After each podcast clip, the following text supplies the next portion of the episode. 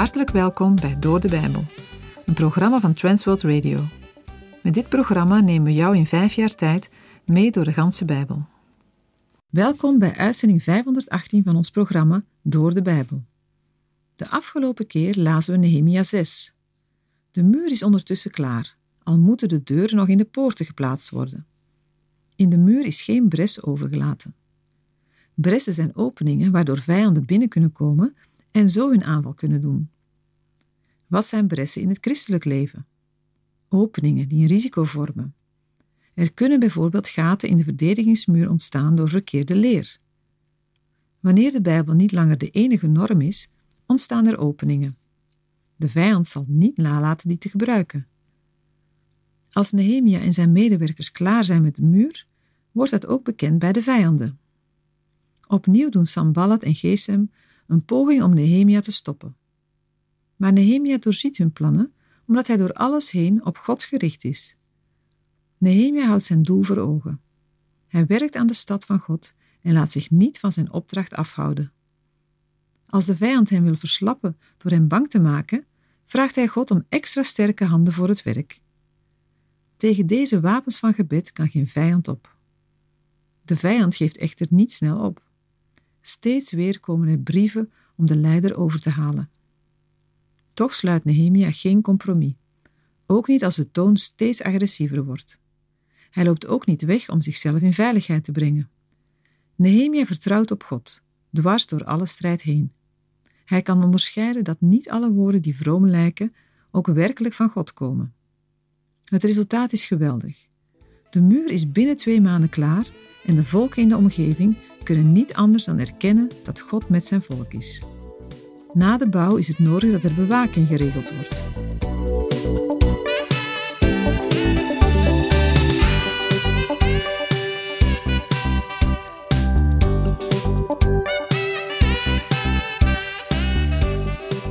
Na de tegenstand in het vorige hoofdstuk is hoofdstuk 7 een verademing. We zien hier dat er in plaats van te verhinderen dat de muur gebouwd wordt, geholpen wordt bij het afwerken van de bouw van de muur.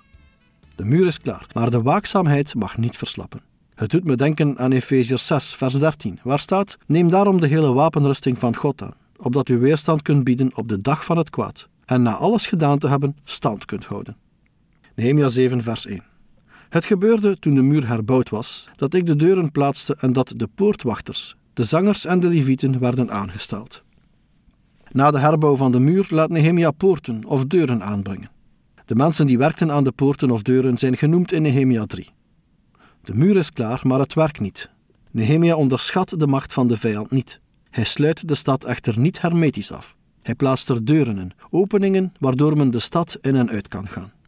De stad van God is een stad die gekenmerkt wordt door vrijheid. Dat wil niet zeggen dat vrijheid geen grenzen kent. Echte vrijheid wordt alleen genoten als men de grenzen die daarbij horen kent en in acht neemt. Ook stelt Nehemia, in een tijdelijke maatregel, de poortwachters, de zangers en de levieten aan. Ik wil graag wat gedetailleerder ingaan op deze drie groepen. Ten eerste de poortwachters. Dat er deuren zijn wil niet zeggen dat zomaar iedereen in en uit de stad mag. Doen alsof er geen kwaad de stad kan binnenkomen, is zoals het bestaan van het kwaad ontkennen. Daarom worden poortwachters aangesteld. Ze hebben de taak erop te letten dat alleen die mensen de stad binnenkomen die er ook horen. Ook in de kerk vandaag is het belangrijk in de gaten te houden wie zoal binnenkomt. In de Nieuwtestamentische gemeente worden weliswaar geen poortwachters aangesteld, toch moet een gemeente alert zijn op gasten, belangstellenden en onbekenden die de dienst bezoeken. Paulus verwittigt dat we rekening moeten houden met mensen die wel zeggen gelovig te zijn, maar er niet naar leven. Hij verbindt de woorden van een gelovige met zijn of haar daden. Als die met elkaar in tegenstelling zijn, is zijn aanwijzing radicaal. Met zo iemand moet men zelfs niet samen eten. Maar als Paulus aangeeft dat een gelovige met zo iemand niet moet omgaan, moeten we wel bedenken dat hij het over mensen heeft die zeggen dat ze gelovig zijn. Want daarnaast zullen we ons moeten realiseren dat het niet betekent dat wij over hem of haar een oordeel vellen. Dat moeten we aan de Heer overlaten. Waar het wel om gaat, is dat een gelovige altijd waakzaam moet zijn. Ten tweede, de zangers. Het loven en prijzen van de Heer is een grote eer en een belangrijke zaak. Maar wat in Israël beperkt bleef tot een speciale groep, mag in het christendom door iedere christen gedaan worden. Iedere gelovige heeft het ongetwijfeld al ervaren dat een lied een mens boven de omstandigheden kan uittillen. In Efeziërs 5, versen 18 en 19 staat: En wordt niet dronken van wijn, waarin losbandigheid is, maar wordt vervuld met de geest, en spreek onder elkaar met psalmen, lofzangen en geestelijke liederen, en zing voor de Heer, en loof Hem in uw hart. Ten derde, de Levieten. Hun taak is het helpen van de priesters bij het offeren en het onderwijzen van de wet aan het volk. Het zijn dienstverleners. Ook hier geldt dat wat in Israël voor een specifiek iemand was weggelegd, in de gemeente voor elke gelovige geldt. Ieder heeft de verantwoordelijkheid met zijn of haar specifieke gave de ander te dienen. Daarvoor wil ik graag terugwijzen naar de uitzendingen over de eerste Korinthebrief. Alle uitzendingen van Door de Bijbel zijn steeds opnieuw te beluisteren of na te lezen via onze website. Nehemia 7, vers 2. Toen gaf ik, met betrekking tot Jeruzalem, een bevel aan Hanani, mijn broer, en Hanania, de bevelhebber van de burcht, want hij was een betrouwbaar man en godvrezender dan velen. De broer van Nehemia heeft geen verdere aanbeveling nodig. Hanania is minder bekend en daarom wordt hij geïntroduceerd. Hij heeft al ervaring in het toezicht over het tempelcomplex en krijgt nu een uitgebreidere taak. In Nehemia 3, vers 9 en 12 zijn Refaia en Salem genoemd als stadsbestuurders van delen van Jeruzalem. Waarschijnlijk werden zij niet vervangen, maar was het toezicht op de stad een andere taak, zoals ook bij Mispa in Nehemia 3, vers 15, 19 het geval was. Voor een bestuurder is betrouwbaar zijn een belangrijke eigenschap. Maar Nehemia vermeldt hier ook dat hij veel ontzag voor God had. Hanania heeft die eigenschap meer dan anderen en is ook daardoor gemotiveerd het goede voor Jeruzalem te zoeken. Ook in het Nieuwe Testament komen we kenmerken voor leidinggevenden tegen. Bijvoorbeeld in 1 Korinthe 4, vers 2. Daar staat: En verder wordt van de begeerders verlangd dat zij betrouwbaar blijken te zijn. Nehemia 7, vers 3. Ik zei tegen hen: Laat de poorten van Jeruzalem niet geopend worden, totdat de zon heet wordt. En terwijl de wachters nog in dienst zijn, moeten ze de deuren sluiten. En vergrendelt u ze dan. En laat men wachtposten opstellen, inwoners van Jeruzalem, ieder op zijn wachtpost, en ieder tegenover zijn eigen huis. Nehemia laat het niet aan de willekeur over wanneer de poorten moeten openen. De poorten mogen niet eerder worden geopend dan wanneer de zon heet wordt. Dat wil zeggen pas als het dag is. Elke duisternis moet verdwenen zijn en alles moet helder zichtbaar zijn, voordat iemand de stad van God kan binnengaan. Het is duidelijk dat Nehemia de vijand niet vertrouwde en daarom maatregelen nam. Naast de Levitische poortwachters krijgen ook de gewone burgers een taak. Zij moeten de wacht houden bij hun eigen huis. Hiermee zal bedoeld zijn het stuk muur in de buurt van hun huis. Zo wordt iedere inwoner van Jeruzalem bij de bewaking betrokken. En dat is een zware opgave voor zo weinig mensen. Nehemia 7, vers 4. De stad was wijd uitgestrekt en groot, maar er woonde weinig volk in en er waren geen huizen gebouwd. Na het afwerken van de muren en de instelling van de bewaking zouden we de inwijding van de muren verwachten. Maar daarover wordt pas later verteld, in Nehemia 12. Nu wordt eerst ingegaan op het kleine aantal inwoners. De stad is nog steeds erg kwetsbaar en kan uiteraard beter beveiligd worden door meer inwoners. Daarom lezen we hier dat de stad groot is, maar weinig inwoners heeft. Er zijn nog te weinig huizen gebouwd. De stad was wijd uitgestrekt en groot. Dat is trouwens een argument op grond waarvan het aannemelijk is dat de stadsmuren uit de tijd van Hiskia zijn herbouwd, en niet die van een kleinere en smallere stad, als de stad van David. Nehemia 7, versen 5 tot en met 7. Mijn God gaf mij in het hart dat ik de edelen, de machthebbers en het volk zou verzamelen om zich in het geslachtsregister in te laten schrijven. Ik vond het geslachtsregister van hen die het eerst waren opgetrokken. En ik vond daarin geschreven: Dit zijn de bewoners van het gewest die optrokken uit de gevangenschap van de ballingen die Nebukadnezar, de koning van Babel, in ballingschap had gevoerd. En die terugkeerden naar Jeruzalem en naar Juda, ieder naar zijn eigen stad. Die meekwamen met Zerubabel, Jesua, Nehemia, Azaria, Raamja, Nahamani, Mordechai, Bilsan, Misperet Bigvai, Nehum en Baena. Dit is het aantal mannen van het volk Israël. Sinds de eerste terugkeer, bijna een eeuw geleden, hebben kleine groepen in de verwoeste en maar gedeeltelijk opgebouwde stad Jeruzalem gewoond. Het was blijkbaar weinig aantrekkelijk om zich daar te vestigen. Daarom maakt Nehemia plannen voor een grootschaliger bewoning van Jeruzalem. De Heere geeft hem in het hart de edelen, de leiders en het volk bijeen te roepen om zich te laten registreren. Op grond hiervan wil Nehemia verdere maatregelen nemen tot herbevolking van Jeruzalem, zoals beschreven in Nehemia 11. Tijdens het maken van deze plannen komt hij het oude bevolkingsregister tegen. De lijst bevat de namen van hen die het eerst uit Babel waren teruggekeerd naar Jeruzalem. In de versen 6 tot en met 72 wordt de lijst weergegeven. Hij is nagenoeg identiek aan de lijst die we al in Ezra 2 tegenkwamen. De lijst bevat de families die onder leiding van Zerubabel en Jesua in de tijd van Cyrus uit Babel zijn vertrokken. De namenlijsten in Ezra en Nehemia zijn gesegmenteerd en hebben tot doel de verhoudingen tussen groepen Israëlieten vast te stellen, waarbij de nadruk ligt op het onderscheid tussen degenen die aantoonbaar van zuiver Joodse afkomst zijn en zij die dat niet zijn. Tussen hen is een onderscheid binnen de hiërarchie aanwijsbaar. Dat hier de gewone Israëlieten en niet de priesters voorop staan, kan verband houden met het feit dat de tempeldienst op dat moment nog niet was hersteld. In de Bijbel vinden we regelmatig lijsten met namen van families. Bijvoorbeeld in Genesis 49, waar we de twaalf stammen van Israël vinden. In 2 Samuel 23 vinden we een lijst met de dapperste helden van David. We vinden ook lijsten in de Bijbelboeken 1 en 2 Kronieken. In het Nieuwe Testament hebben we in Matthäus het familieregister van de Heer Jezus gelezen. En in Hebreeën 11 vinden we een lijst van geloofshelden.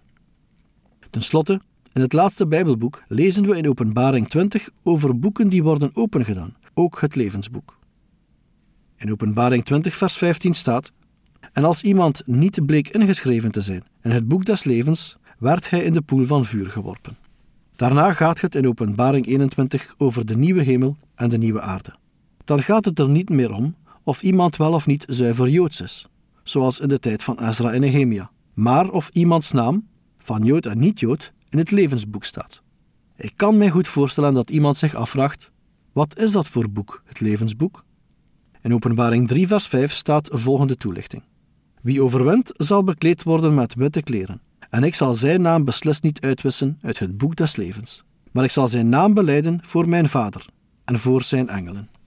Van hen die in het levensboek staan, zal de Heere Jezus verklaren voor zijn Vader en zijn engelen dat zij bij hem horen. Staat jouw naam al in het levensboek? Er is maar één schrijver in het levensboek, en dat is Jezus Christus. In Openbaring 13, vers 8 wordt het levensboek ook het boek des levens van het Lam genoemd. In Johannes 1, vers 29 staat: De volgende dag zag Johannes Jezus naar zich toekomen, en hij zei: Zie het Lam van God, dat de zonde van de wereld wegneemt. Heb jij al aan Jezus gevraagd of hij jouw zonden wil vergeven en ook jouw naam in zijn boek wil schrijven?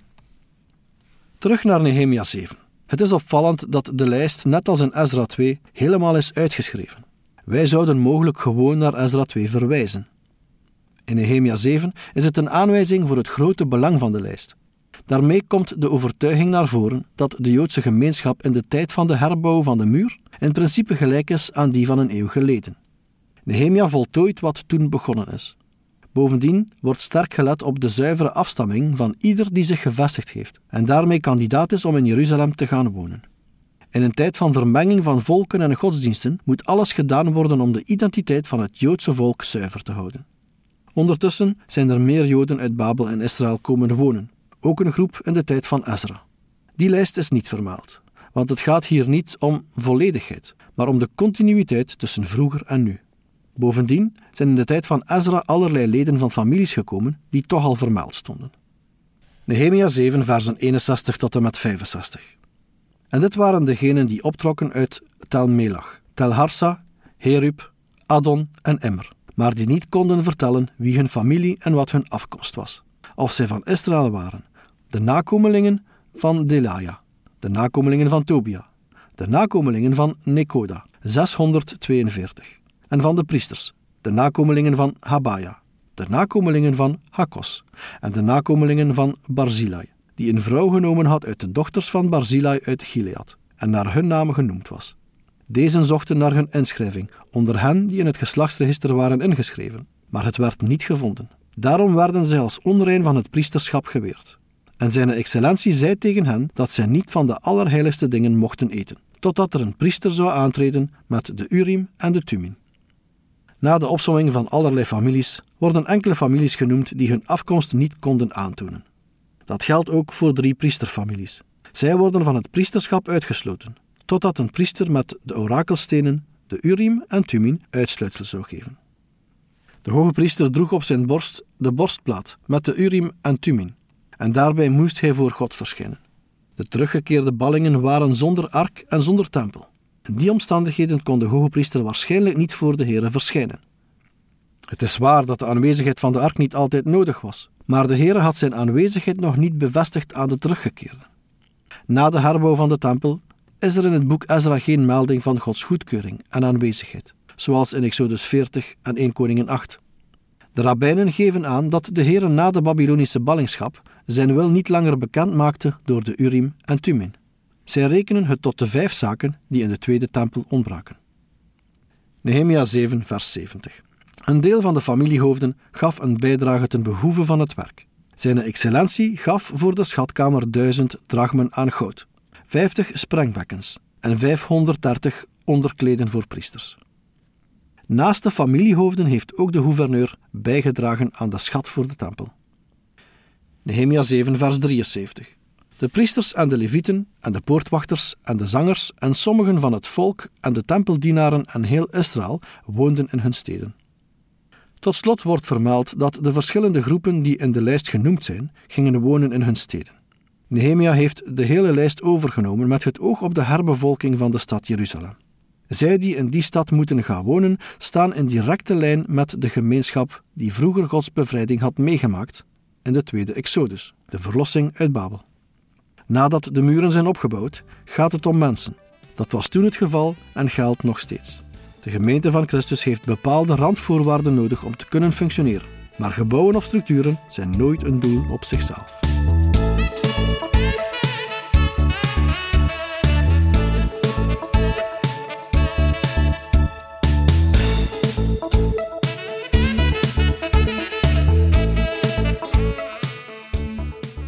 Heeft geluisterd naar Door de Bijbel, een programma waarin we in vijf jaar tijd de ganse Bijbel bespreken. De basis voor het programma is de Bijbelstudiereeks van Dr. Vernon McGee, Through the Bible. Deze werd in het Vlaams vertaald en bewerkt door Transworld Radio. U kan elke werkdag naar een nieuwe uitzending luisteren en u kan ook steeds voorbije uitzendingen opnieuw beluisteren of downloaden. Als u wilt reageren op deze uitzending of u heeft vragen, dan kunt u uiteraard contact met ons opnemen. U kan een e-mail sturen naar doordebijbel.twr.be. Verder kan u op onze site terecht, www.twr.be, voor meer info en het beluisteren van onze overige programma's. Dit programma werd gepresenteerd door Patrick Couchement en Anne Notenboom. Wij danken u voor het luisteren en graag tot een volgende keer.